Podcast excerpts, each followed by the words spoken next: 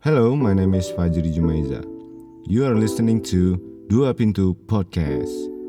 Here is place to share useful things from passionate guest speaker with their knowledge and experience.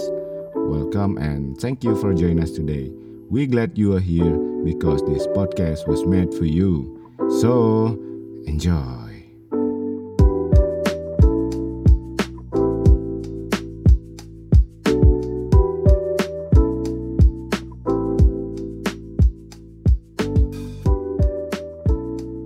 Welcome back to Dua Pintu Podcast bersama gue Fajri.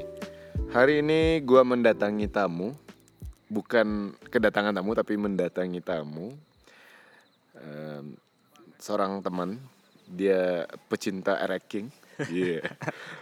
Pernah studi di IPB, eh, a- asli tanah datar di tepatnya eh, correct me if I'm wrong, Tabe Oke. Patah. Oh ya. Em, sekarang lagi menjalani karir dengan mengabdi eh, di masyarakat sih di sebuah koperasi petani kopi tepatnya di Solok Rajo. Oke. Apa kabar Kas Rizal? Alhamdulillah Rabbil Alamin Fajri. ini agak ini ya. Kita record ini jam setengah 12 malam Di di tengah kebun kopi. di tengah kebun kopi. Gue kenal lu di koperasi. Iya, kita kenal di mana? ya? Di koperasi. Di dua pintu. Oh di dua pintu. oh iya iya. Pertama kali ketemu kayaknya di dua pintu. deh. Acara diajak sama teman-teman dari koperasi ke dua pintu waktu itu. Oh tapi sebelumnya udah gabung, udah gabung di koperasi berarti ya. Udah. Jadi gabung di koperasi dulu. Habis itu diajak teman-teman koperasi main ke Padang. Dikenalinlah Dikenalin lah ke Oh. Oh, Fajri. ini. Gue Gitu. tau lo d- alumni IPB ya Kata orang gitu. kata orang. Jurusan. Jurusan Ilmu dan Teknologi Pangan di IPB dikenalnya ITP. Itu masuk Fakultas Teknologi Pertanian. Fateta ya. Tapi kalau sarjananya itu sarjana teknologi pertanian bukan sa- bukan sarjana teknologi pangan, Oh masih STP, STP. STP.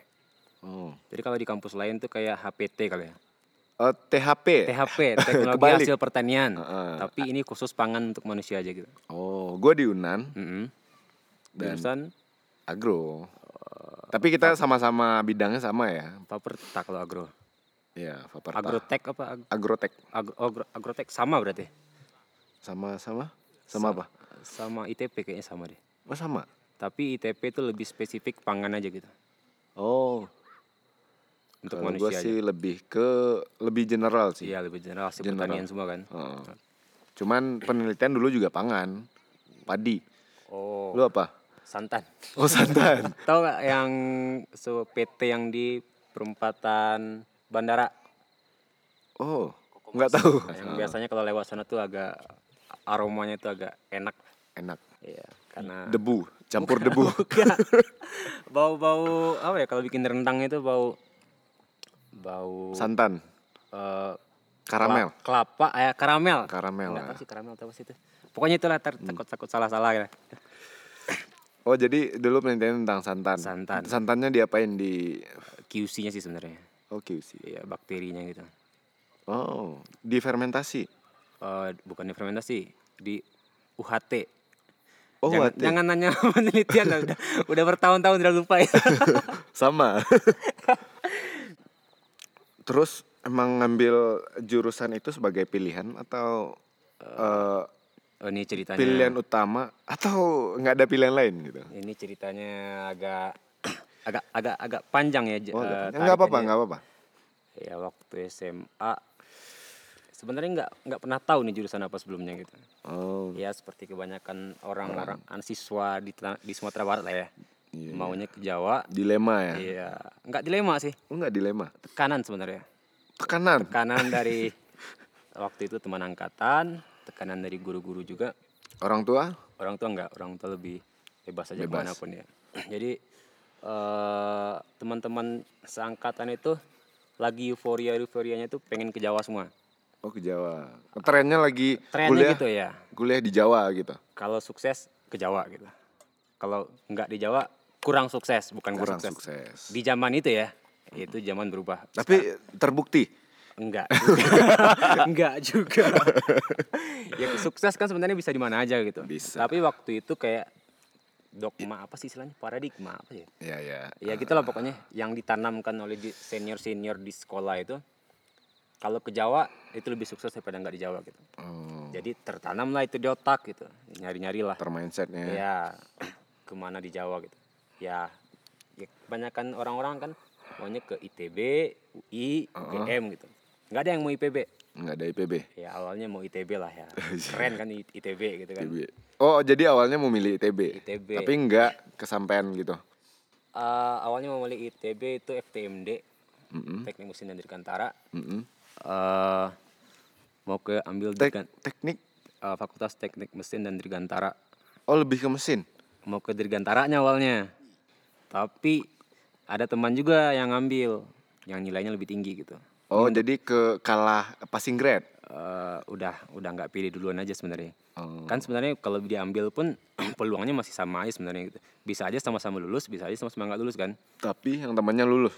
temannya lulus jadi karena udah nggak udah ciper lah istilahnya ya Oh, ciper ya. jiper sama jiper, teman Jiper, ah, ya, jiper sama teman yang ngambil dengan jurusan dengan fakultas yang sama jadi nyari yang lain gitu nyari, Oh. nyari ke UI UI itu eh, track recordnya senior di UI itu nggak ada Oh, sekolah ini baru gitu jadi nggak ada referensi ya? ya jadi nggak ada referensi dan ada isu juga kalau sekolah yang baru itu nggak susah masuk UI gitu Emang sekolahnya baru? baru baru tujuh tahun angkatan tujuh Oh.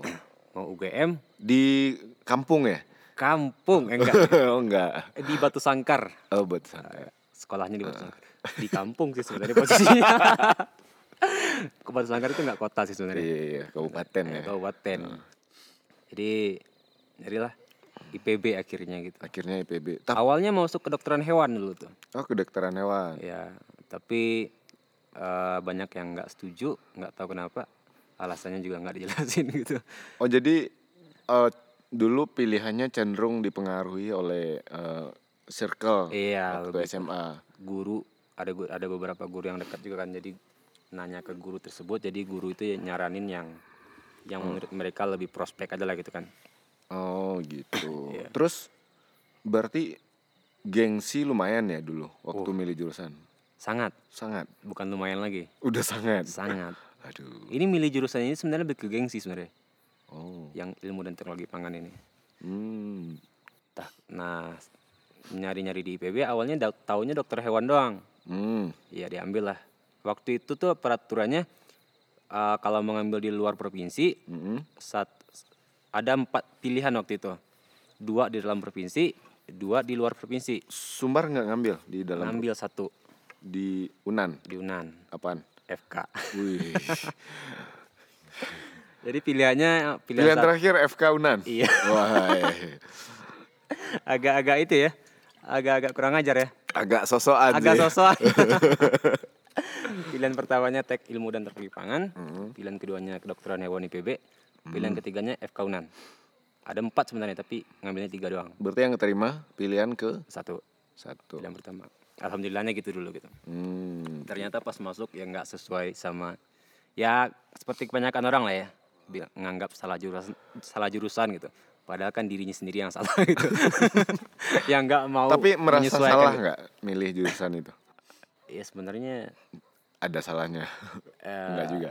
salah lebih salah ke pergaulan sih sebenarnya Pergaulan. iya sebenarnya bisa aja sih mau belajar biar dapat nilai bagus kan sebenarnya bisa aja gitu tapi Iya. kayaknya pergaulan lebih enak untuk main-main waktu Tapi nggak waktu- nyesal kan? ngambil? Enggak, enggak. Oh, nggak nyesal. nggak pernah nyesal sih sebenarnya jadi gitu sejarahnya masuk teknologi pangan Oh, kirain emang karena melihat apa di eh, pelajari sendiri, dicari sendiri dan melihat peluangnya sendiri, akhirnya milih jurusan itu. Tapi ternyata ada faktor lain. faktor ya nya- nanya ke teman yang ny- nyari yang milih IPB juga apa jurusan paling bagus di IPB gitu Yang paling prospek lah ya. enggak ya waktu itu kan passing grade ya ngomong kita tuh passing grade paling tinggi di IPB apa gitu teman yang itu ngambil ITP juga Oh, tapi dia nggak lulus. dia nggak lulus akhirnya sorry sih Alhamdulillah. Iya. sangkatan cuma satu orang di IPB Lu doang. iya kudang Hmm. yang ngambil tuh nggak nggak banyak sih waktu itu. Karena Banyak kan yang ITB, UGM, Unpad gitu. IPB kurang dilirik di sekolah gua. tapi dari kebanyakan dari semua itu berarti kebanyakan keluar Su- Sumbar. Keluar sumber kebanyakan. Mm, Nggak nggak ada yang di Padang kah? Ada, ada. UNP juga ada, UNA juga. UNP juga ada. Oh berarti nggak Enggak apa? 100% keluar juga, tapi persentasenya tuh kayaknya lebih banyak di luar gitu. Waktu itu. Dan waktu itu tuh angkatan gua tuh 100% kuliah. 100% wisuda. Enggak tahu, enggak tahu sekarang gimana ya kabar teman-teman itu. Belum dapat update terbaru nih kalau wisuda ya. Cuma waktu itu 100% kuliah. yang lulus waktu itu kuliah semua gitu. Berarti tapi sekelas 10 orang gitu. Setelah eh, waktu itu 60 Oh lumayan banyak. 63 orang sangkatan. Oke, Kirain 10 orang dan 100% kuliah. Ya, berarti itu ya sebuah presentasi yang ya wajar-wajar aja gitu kan. 100% dari 10 orang gitu ya. iya juga sih sebenarnya. Terus yang lu pelajari selama berapa tahun di kampus? Pat pas. Kalau SKL-nya itu kalau nggak salah tuh sam- sampai akhir Oktober. Berarti Waktu terhitung tahun itu. 4 tahun Pak. Iya. Terus lulusnya tuh kalau SKL-nya 22 Oktober. Kalau udah lewat dari akhir Oktober itu nambah semester gitu. Oh, nambah semester. Iya. Berarti hitungannya udah udah nggak 4 tahun lagi. ya? Enggak, kalau wisudanya tuh di semester selanjutnya. Oh iya Tapi iya. SKL-nya di Nunggu nunggu apa ya? Nunggu Kuota. kuota, heeh. di IPB itu ada kuota 750 orang satu kali Hmm. wisuda. satu kali sudah. Terus ada nggak yang apa yang lu pelajari terimplementasikan ke dunia nyata ke sekarang kerjaannya sekarang Eh, sebenarnya lupa sih semua mata kuliah itu. nggak maksudnya dari persentase yang s- dipelajari itu Oh, ada lah, ada. ada ada kayak halal di, di dulu tuh sistem halal itu masuk satu mata kuliah khusus oh ada mata kuliah sistem khusus jaminan halal namanya SJH itu satu semester kita belajar halal aja Hmm. nah sekarang ini baru nih dua bulan yang lalu lah ngurusin halal di koperasi ini gitu Hmm. buat produk koperasi jadi sedikit sedikit bisa lah dipakai gitu walaupun nggak semua ya iya iya iya tapi menghalalkan eh, pasangan belum ya hanya Allah lah yang tahu itu Iya. ya sama lah kita kan hmm iya sama terus masa kecil dulu di mana masa kecil sebenarnya bukan tabek patah sih sebenarnya tapi dekatnya di tabek tabek patah gitu Oh, jadi na- bukan nagarinya bukan di Tabe Kota. Eh, nagarinya itu nagari Tanjung Alam Oh Tanjala. Tanjung Alam kecamatan Tanjung Baru dulu sebelumnya itu Hmm. se sekecamatan sama tabek patah tapi pemekaran gitu Sekarang udah nggak. sekarang udah beda tapi di perbatasan lah istilahnya di perbatasan kecamatan gitu dan lebih dekatnya ke tabek patah gitu Oh jadi s- mainnya sering ke Tabe Kota. semuanya tape patah jadi kayak eh, pasarnya di tape patah Eh, tapi kalau ngurus-ngurus administrasi ya tetap sih ke kecamatan gitu sekolahnya di Sawapari dulu waktu SD namanya SMP-nya udah di Batu Sangkar Hmm. dulu SMP 5 Batu Sangkar SMA-nya di Batu Sangkar juga Oh. jadi SD doang sih yang di kampung Jadi besar di Batu Sangkar ya. di Batu Sangkar Terus tadi eh, katanya kan eh, keluarga nggak terlalu banyak terlibat dalam eh, penentuan eh, apa ya pemilihan eh, jalur pendidikan atau pemilihan karir gitu. untungnya ya untungnya enggak Untungnya nggak. keluarga cukup demokratis sih untuk masalah pendidikan ya. Jadi kat- kata bapak tuh dulu tuh kalau mau ya uang bisa dicari katanya. Hmm, Untungnya iya. gitu ya, untungnya gitu. untungnya udah ngasih kebebasan buat milih dari awal ya. Iya, termasuk itu juga SMP. SMP kan tuh lumayan jauh dari rumah ya. Hmm, Jadi sebenarnya banyak juga SMP sekitar gitu hmm. yang lebih dekat gitu. Tapi Milih yang jauh. karena itu SMP yang bagus katanya waktu itu di kabupaten gitu. Hmm. Dan pengen masuk sana Bagus kata kata orang-orang. kata guru SD. Oh kata gue. oh Disu- gitu. disaranin sama guru SD masuk sana gitu dan ternyata SMP-nya memang bagus sih jadi SMA-nya juga di kot di Barsangkar itu jauh juga ngekos waktu SMA juga dan nggak dan nggak pernah di dihalangin orang tua gitu jadi katanya ya mau mau di mana aja ya silahkan aja gitu selama mampu silahkan gitu Yang penting sekolah ya penting sekolah gitu kan untungnya ya untungnya. kan nggak semuanya kayak gitu ya orang-orangnya Iya, iya, bener. lumayan demokratis sih kalau keluarga untuk pendidikan Iya, iya, iya. Tapi keluarganya demokratis, tapi eh, banyak dipengaruhi oleh eh, lingkungan berarti kan. Kayak tadi milih oh iya sekolahnya Iya, namanya. ini katanya bagus, terus eh, milih kampusnya harus di luar eh, di lu- di Jawa, daerah Jawa yang yang katanya kalau mau sukses kuliah Jawa gitu di Ja- waktu itu ya namanya remaja labil lah ya Iya. Jadi doktrin sedikit itu kayak nggak perlu cross check dan nggak perlu verifikasi dan nggak perlu apa gitu. Oh, ini orang yang ngomong udah dari sono gitu. Iya. Ya percaya aja lah gitu. Belajar dari yang sudah-sudah ya. Iya. Tapi kan sebenarnya kalau dipikir-pikir lagi dimanapun kuliah, dimanapun belajar studi sebenarnya sukses kan bukan tergantung alma mater sebenarnya. Benar. Tergantung kita masing-masing gitu. Tapi alma mater sedi- setidaknya juga ada ada pengaruh. gitu Pengaruh kan. mungkin ya tapi ya nggak tahu juga belum ada studinya juga sih sebenarnya. Em, kalau kita flashback nih, apa sih bedanya eh, lu sekarang dengan yang masih aktif di kuliah sebagai mahasiswa? Oh, bedanya. Bedanya pasti ada lah ya. Tapi apa? Beda yang yang sangat eh, signifikan gitu mungkin. dalam ya dalam apapun lah. Beda apa ya istilahnya itu mungkin ini nggak tahu benar apa salah ya istilahnya. Dulu tuh lebih impulsif. Uh lebih impulsif. Jadi ngambil kesem- ngambil keputusan, Keputusan. itu di dalam hitungan menit bisa gitu. Oh buru-buru. Buru-buru dan nggak mikirin konsekuensinya, nggak mikirin dampaknya gitu. Sekarang tuh lebih hati-hati. Oh, mungkin faktor umur kali ya. Iya benar. Jadi kalau mau memutuskan sesuatu tuh kayak butuh berhari-hari dulu buat mikir, terus mu- mikirin dampaknya apa, efeknya apa kalau kayak gini gitu, konsekuensinya gimana, terus kalau ngambilin itu harus bagaimana prosesnya gitu. Jadi lebih hati-hati sih sekarang. Mungkin yang paling kerasa itu sih kayaknya. Berarti dulu eh, s- lebih cenderung impul- impulsif, Impulsif. Impulsif terhadap apapun ya, terhadap apapun. marah-marahnya juga impulsif pada itu. Oh, waktu waktu organisasi ya, kampus. oh aktif dulu di organisasi Bisa dikatakan 70% organisasi, 30% kuliah. kuliah. Pernah menjadi Pernah menjadi ketua umum dulu. ketua umum Salah satu organisasi apa? mapalanya lah. Oh, Mapala kampus. anak alam. anak alam banget ini. Oh, Iya, sering nanjak ya.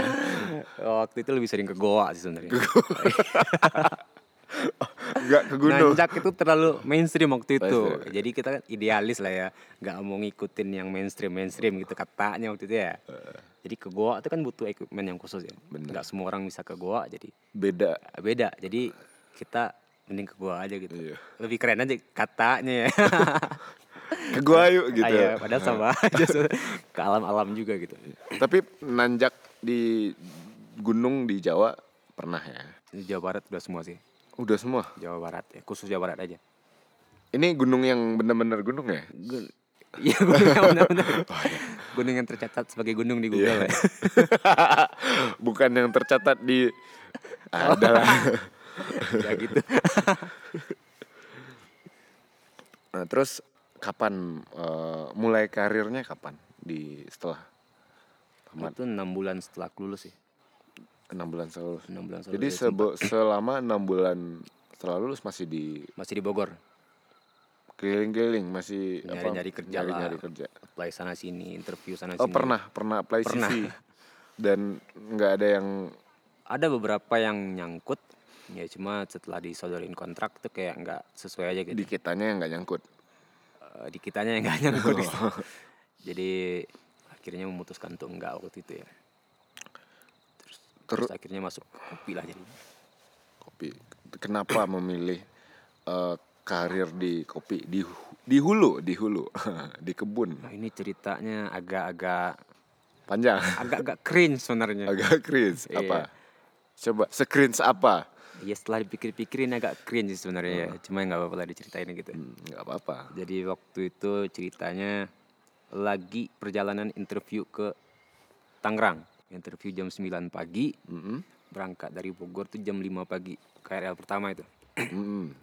Berangkat Hmm. dari stasiun Bogor dari stasiun Bogor. Itu nggak nggak makan dulu lah.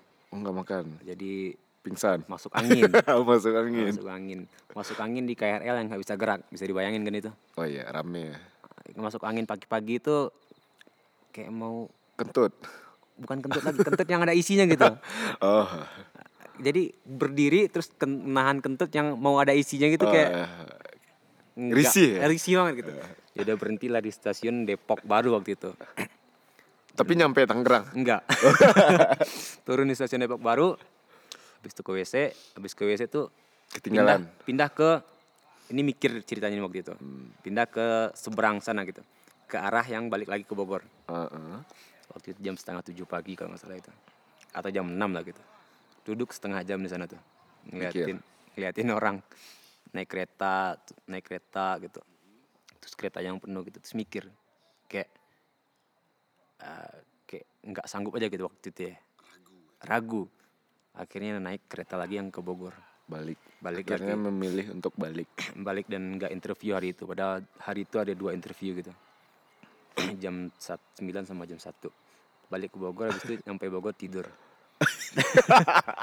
dan memutuskan untuk nggak ngelamar lagi waktu itu gitu udah Waktu cukup itu- gitu. cukup gitu memutuskan untuk jadi petani oh. waktu itu. oh pada saat itu akhirnya berpikir oh ya udahlah Iya, memutuskan untuk jadi petani. Soalnya sebelumnya sempat cerita-cerita juga sama alumni yang bertani. Ah. Ya, bangun tidur yang habis dari Depok itu ngubungin dia. oh langsung kontak langsung si- ngontek dan ngajak ketemuan. Waktu itu dia lagi bertani cabe di Bogor di Ciawi. oh Ciawi Terus ceritain lah yang cerita cringe t- di, de- di stasiun Depok tadi. Terus dia ketawa-ketawa. Sebenarnya dia ya itulah salah satu keimpulsifan waktu itu ya. Jadi bu- ngambil ngambil keputusannya cepat banget.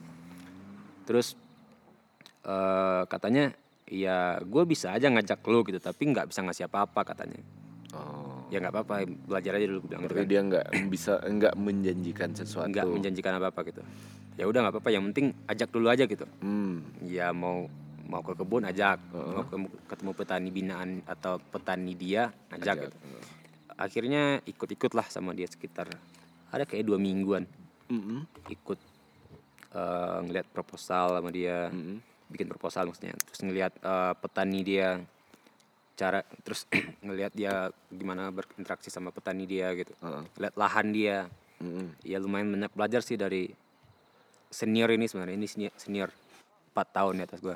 Mm-mm. Terus setelah dua minggu itu kalau nggak salah kepentok eh, Idul Fitri.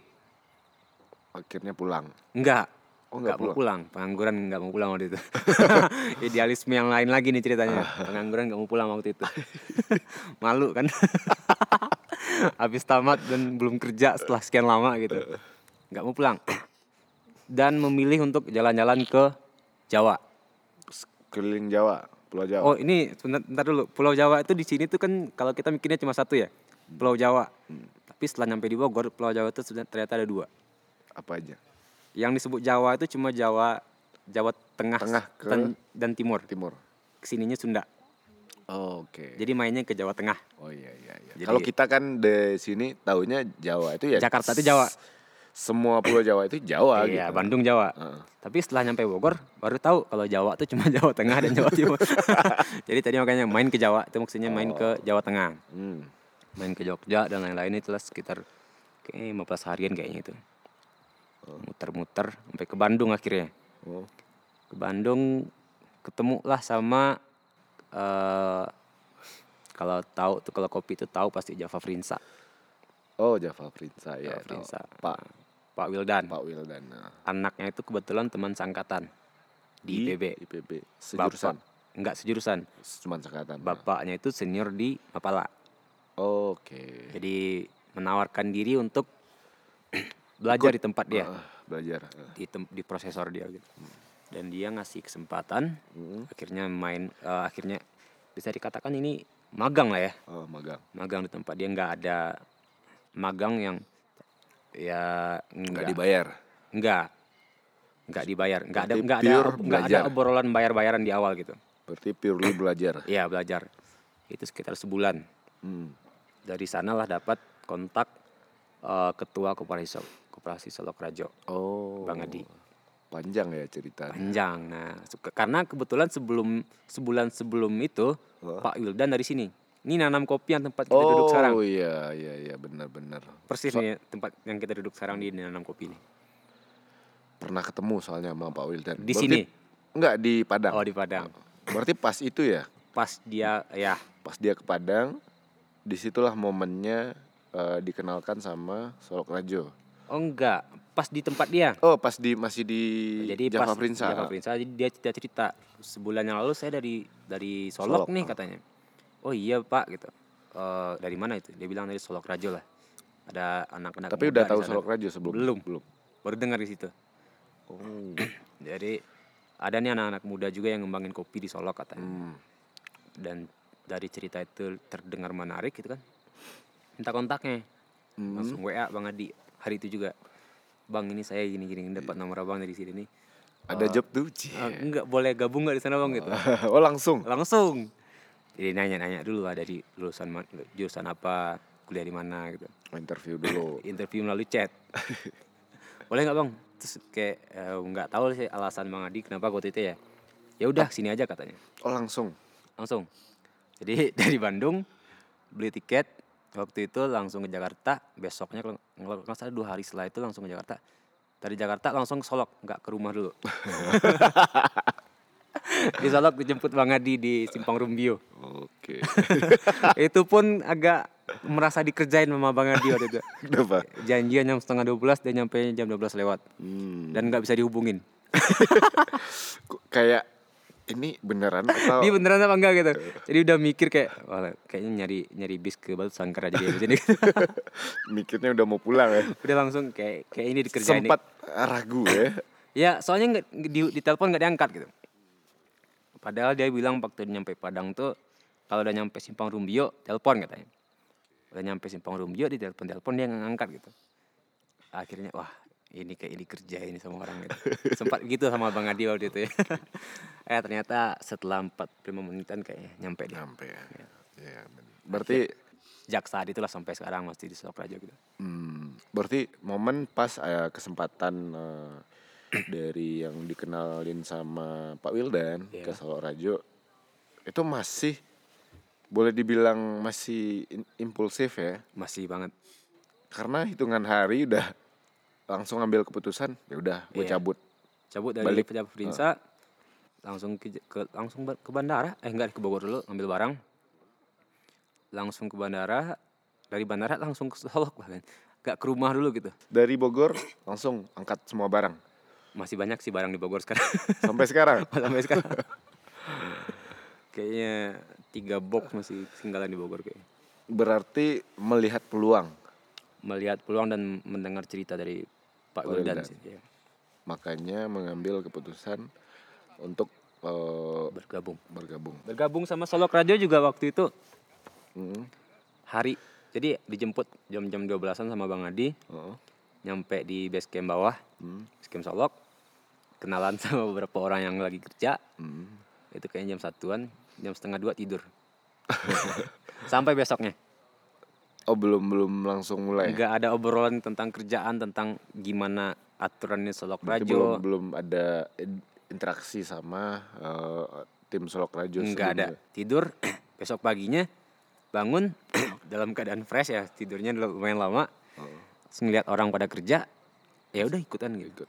Tapi sempat timbul keraguan nggak pas sudah masuk Solok Rajo? Aduh. Enggak waktu itu enggak. Sampai sekarang juga enggak sih. Ya waktu itu ya gimana ya? Baru nyam hari kedua dan enggak ada instruksi kerja sama sekali dari Bang Adi juga dan dari koperasi. Kamu harus gini-gini ya, kerjanya gini-gini ya enggak. Enggak ada gitu. Oh belum dikasih job desk. Sampai tiga bulan enggak dikasih job desk sebenarnya. tiga bulan di di bawah itu. Berarti Ngikut. ikut. Ya Jadi kalau orang kerja kerja- kerja. Orang kerja kerja. orang jam jam 4 ist- eh, berhenti kerja ya Udah sama gue berhenti juga orang tidur malamnya orang makan ikut makan orang makan malam ikut makan malam gitu ikut ngajak dan nggak pernah bahas gaji Hmm, Iya. selama tiga bulan Oke. dikasih sih sebenarnya cuma nggak pernah bahas kayak Nggak pernah nanya. bang gaji gue berapa sih nggak pernah gitu bang dikasih berapa sih orang-orang di sini gitu nggak pernah nanya Dan pas dikasih pun nggak pernah. Emang segini ya gitu. eh ya nggak pernah nanya juga oh udah makasih bang gitu ya nggak expect apa apa gitu ya karena keputusan yang dari Depok tadi lah gue pengen jadi petani gitu kan impulsifnya waktu itu gitu jadi ketika, ketika dapat kesempatan untuk wah ini bisa nih kayaknya di sini gitu sevisi lah gitu kan jadi kayak ya nggak mikirin yang lain lagi waktu itu gitu dan keterusan sampai ya ini udah masuk tahun ketiga sih Berarti kalau misalnya nggak impulsif, mungkin nggak Nggak ke sini akan gitu. nyampe sini ya. Eh, Bener. Terus kenapa nggak milih hilir gitu? Kenapa milihnya hulu? ya Kan hilir itu lumayan prospek tuh, lumayan menjanjikan, lumayan Hmm. lagi. mungkin ya mungkin karena nggak nggak punya link aja kalau waktu itu kali ya. Tapi kalau punya link bisa jadi. Nggak juga. mungkin aja kali ya Mungkin aja. jadi waktu itu nggak spesifik kopi sebenarnya ketertarikannya tuh Yang penting di bertani bertani di hulu ya. iya bertani di kebun lah istilahnya gitu apapun lah waktu- cabe juga dicoba waktu itu kan sebelum sebelumnya waktu, waktu masih di teman di Bogor itu walaupun masih ngikut-ngikut teman gitu Terus apa nih yang bu yang membuat lu yakin? "Wah, gue milih ini deh. Eh ini udah udah jalannya nih, udah udah fix nih milih milih karir di sini nih yang orang-orangnya sebenarnya orang-orangnya. Iya. Enggak sebelum ketemu orang-orangnya. oh sebelum ketemu orang-orangnya ya keinginan sendiri Berarti pas udah menentukan pilihan pekerjaan ini udah nggak terlalu banyak pengaruh dari luar ya berarti. Dari yang sebelumnya Enggak, ini lebih idealisme pribadi. Dari yang sebelumnya dipengaruhi oleh lingkungan gitu kan. Ini lebih lebih ke keinginan pribadi. se- udah berapa tahun di Solok Rajo?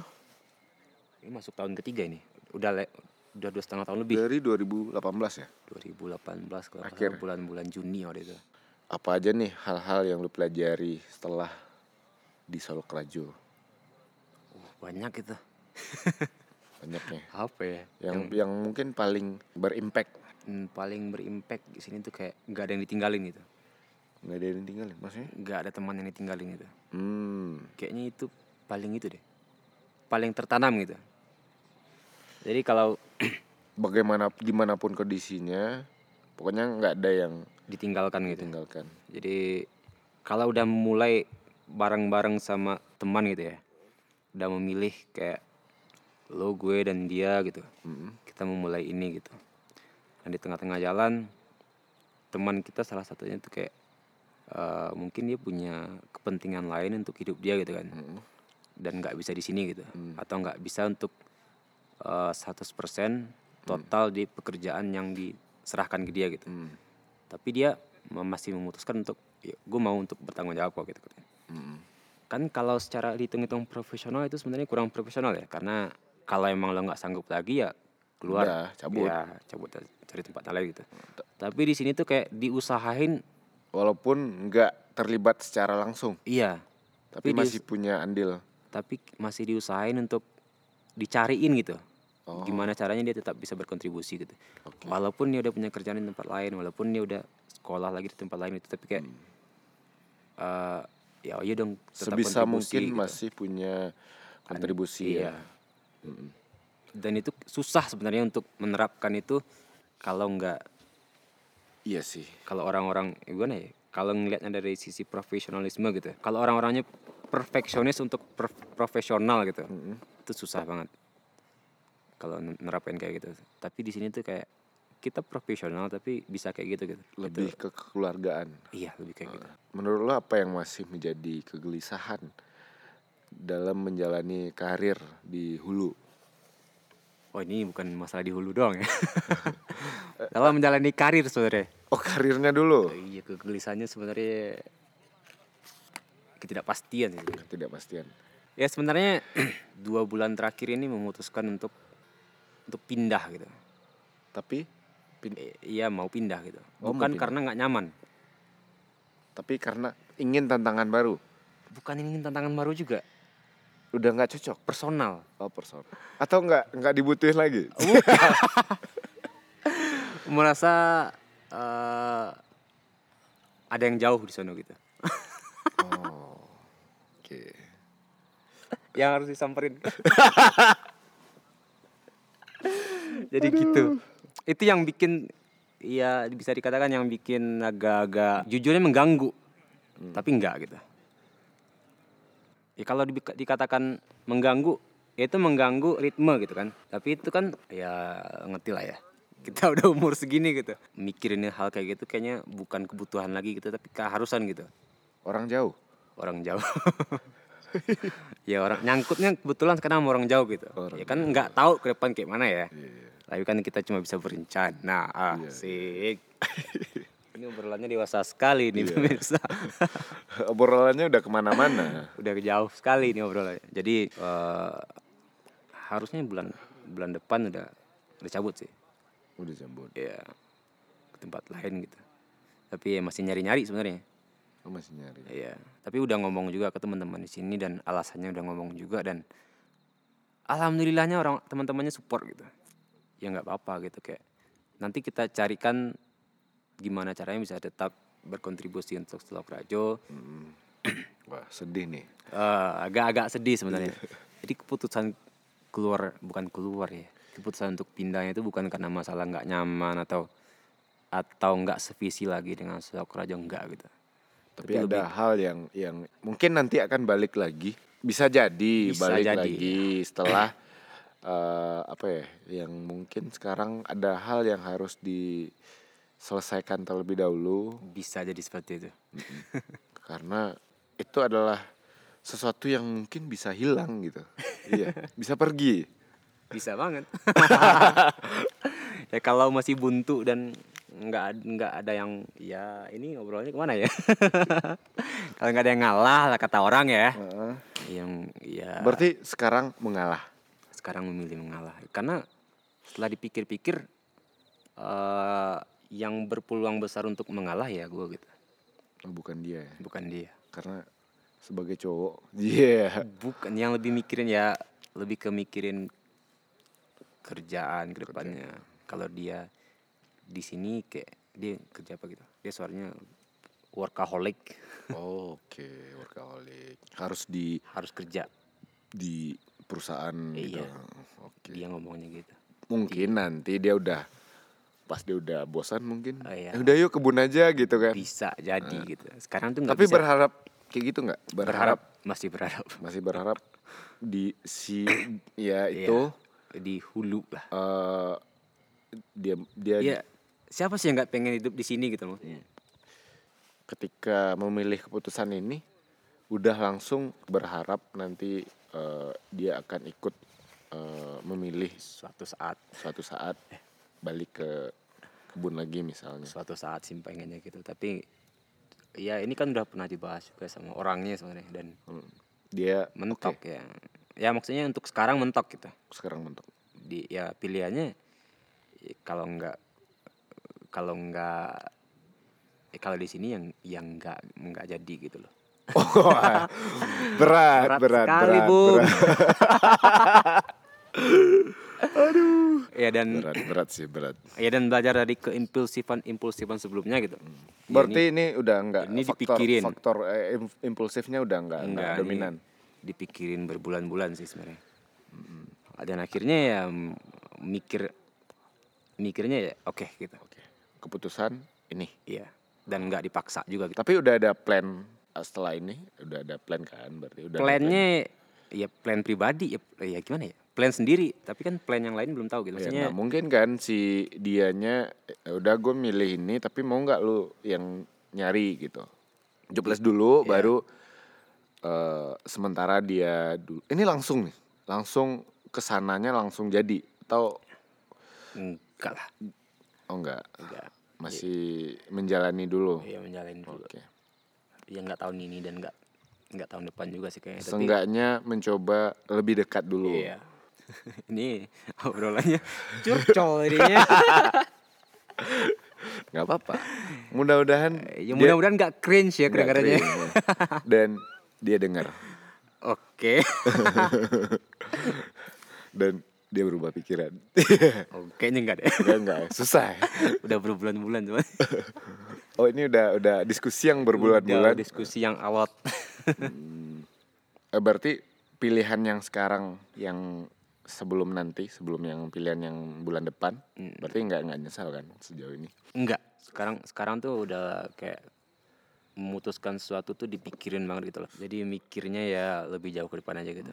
Dan ini enggak keputusan kayak gini tuh enggak enggak karena dia juga gitu lebih kayak ya oke gitu. Ya, kenapa enggak dicoba gitu kan. terus eh, kalau misalnya ada nih orang yang mau berkarir di hulu menurut lu worth it nggak gitu misalnya ada nih orang lain yang eh gue pengen nih kerja di hulu di kebun jadi petani Worth it itu sebenarnya relatif ya. Tergantung dianya nyari apa gitu. Kalau dia mau cepat kaya, Hmm, jangan gitu. jangan Iya. tapi bisa kaya kan Bisa kaya, bisa banget, bisa banget kaya. tapi sabar ya harus Iya. sabar Eh, Kalau dia maunya yang kerja kan banyak ya tipe-tipe orang sebenarnya. eh, dianya lebih suka eh, kehidupan kota misalnya, hmm. ya jangan sama sekali gitu. Jangan coba-coba gitu masuk ke sini.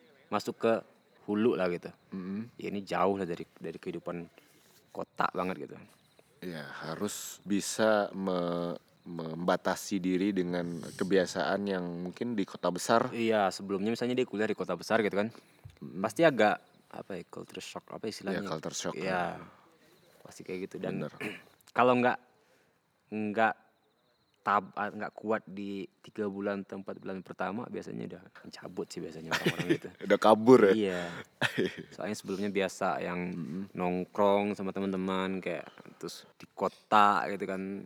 Terus tiba-tiba dia menjadi kampung. gitu. Mm, Itu pasti kaget dan Iya. kaget.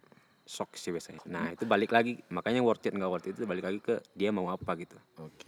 Kalau dia bisa tetap ya stay di keinginan dia sendiri gitu. Ya mungkin dia akan tabah dan akan kuat Iya. menghadapi gitu. Kecuali Tapi kalau Mm. Ada- dia Iya, pengen pengen pamer doang dan lain-lain itu kayak nggak akan kuat. sih. jangan ya. Buang-buang waktu ya. Buang waktu. Eh, Mending nggak usah coba-coba ya. Oh. Jangan coba-coba. Kalau mau ya udah lanjut gitu Iya. kan. Harus total Harus soalnya. Total. Nah, Karena yang dihadapi real gitu. Ria banget. Masyarakat yang pola pikirnya sangat random gitu kan. Random banget. Terus kalau misalnya nih, kalau lu nggak milih koperasi dan sekarang eh, lu bisa bayangin nggak eh, lu sekarang itu lu di mana dan jadi apa gitu. Misalnya nih nggak milih koperasi, Eh, mungkin lagi kerja di sekitaran Jabodetabek kali. ya. seperti kebanyakan orang gitu. Iya, Seperti kebanyakan teman-temannya gitu kayak. eh, soalnya waktu itu kan banyak banyak keputusan yang impulsif gitu ya. Pengen jadi petani terus tiba-tiba langsung ngubungin teman yang petani gitu. Bisa aja kan sebulan jadi petani cabai waktu itu kayak impulsif lagi kayak ah gue pengen jadi kerja lagi lah yang di perusahaan gitu. Bisa aja kayak gitu kan impulsif lagi waktu itu gitu. Iya, benar. Karena belum mengalami proses prosesnya gitu loh. Iya benar. belum mengalami proses pendewasaan lah gitu. Perasaan benar. Jadi pengen ini langsung, pengen ini langsung gitu. Mm, Nggak mikir dulu ya. Iya, jadi nggak bisa di dibayangin spesifik akan seperti apa karena kayaknya bakal banyak loncat-loncatnya gitu. Kalau dibayang kalau diingat lagi ya waktu itu ya, pengen ini langsung, pengen ini langsung gitu. Intinya dulu nggak terlalu banyak mikir Iya. untuk melakukan sesuatu. Jadi mungkin bisa aja sekarang jadi petani cabai di Ciawi bisa aja atau kerja di salah satu pabrik di Jabodetabek atau apa gitu. Terus planning nih, Hmm. planning jang- tadi mungkin planning jangka pendek ya. Kalau planning jangka panjang, Planning jangka panjang. eh, Iya, yang pasti balik ke kebun sih sebenarnya. Iya. dan ya ke depan ingin seperti ini lagi. ya. Ingin Iya, seperti ini lagi gitu. Ya gue sendiri pribadi ya jujur kalau mau ke planning jangka panjang ya pengen berkebun gitu kan. Iya. Karena kayak nggak ada pressure yang kuat gitu kayak kerta, kita kerja di ya contohnya nggak nggak jauh-jauh kita kerja di industri hilir pressure-nya lumayan tinggi gitu Iya sih. Dulu gue waktu kuliah sempat ngomong ke teman-teman gue mau, mau tinggal di hutan. Bikin rumah pohon di hutan. tapi banyak nggak yang milih pilihan yang kayak lu sekarang teman-teman se kampus enggak terus eh, apa nih pesan yang ingin lu sampaikan di sini Intinya apapun keputusan yang diambil tuh jangan impulsif yang pertama ya. pikirin dulu konsekuensinya pikirin dulu dampaknya gitu ya, jangka panjangnya kalau ragu nggak usah tapi kalau nggak ragu maju gitu tapi kalau yakin dan belum tahu juga mau ngapain ke depannya tapi yakin gitu maju biar nggak nyesel sih sebenarnya jadi apapun ke depannya gagal atau sukses nggak ada yang sesali gitu karena ini gue ini keputusan gue gitu Intinya kalau lu udah menentukan pilihan, jangan ada penyesalan. jangan ada penyesalan kalau kalau ragu kemungkinan menyesalnya gede gitu Bener. kalau yakin dari awal walaupun gagal Pelajaran. bisa bisa dikatakan kayak gitu Oke, mungkin kita sudah di penghujung. oke Udah jam setengah satu. dan udah mulai turun salju juga udah mulai turun. Ini salju, hujan atau ini micnya udah embun? basah Kita eh, oh ya kita sekarang lagi di eh, bootcampnya Solok Rajo. Kalau teman-teman mau ikut, kita ada kegiatan rutinnya setiap bulan. Eh, ini kegiatan pertama, Pertama. yang dengan dua pintu. Kebetulan dua pintu kita ngadain kelas kopi dan lanjut dengan kegiatan trip kebun kopi. Jadi kita kerjasama dengan Solok Rajo. Jadi buat teman-teman yang mau ikut, eh, mau gabung, mau belajar tentang dunia kopi, hulu ke hilir lah ya hulu ke hilir bisa gabung batch berikutnya Ah, batch gitu. berikutnya, gitu. Terima kasih Kas Rizal sudah meluangkan waktunya. Semoga sukses eh, ke depannya. Semoga pilihannya menjadi stepping stone buat eh, karirnya ke depan. Amin Akhirnya kita pamit. Gua Fajri. gue Rizal See you next episode.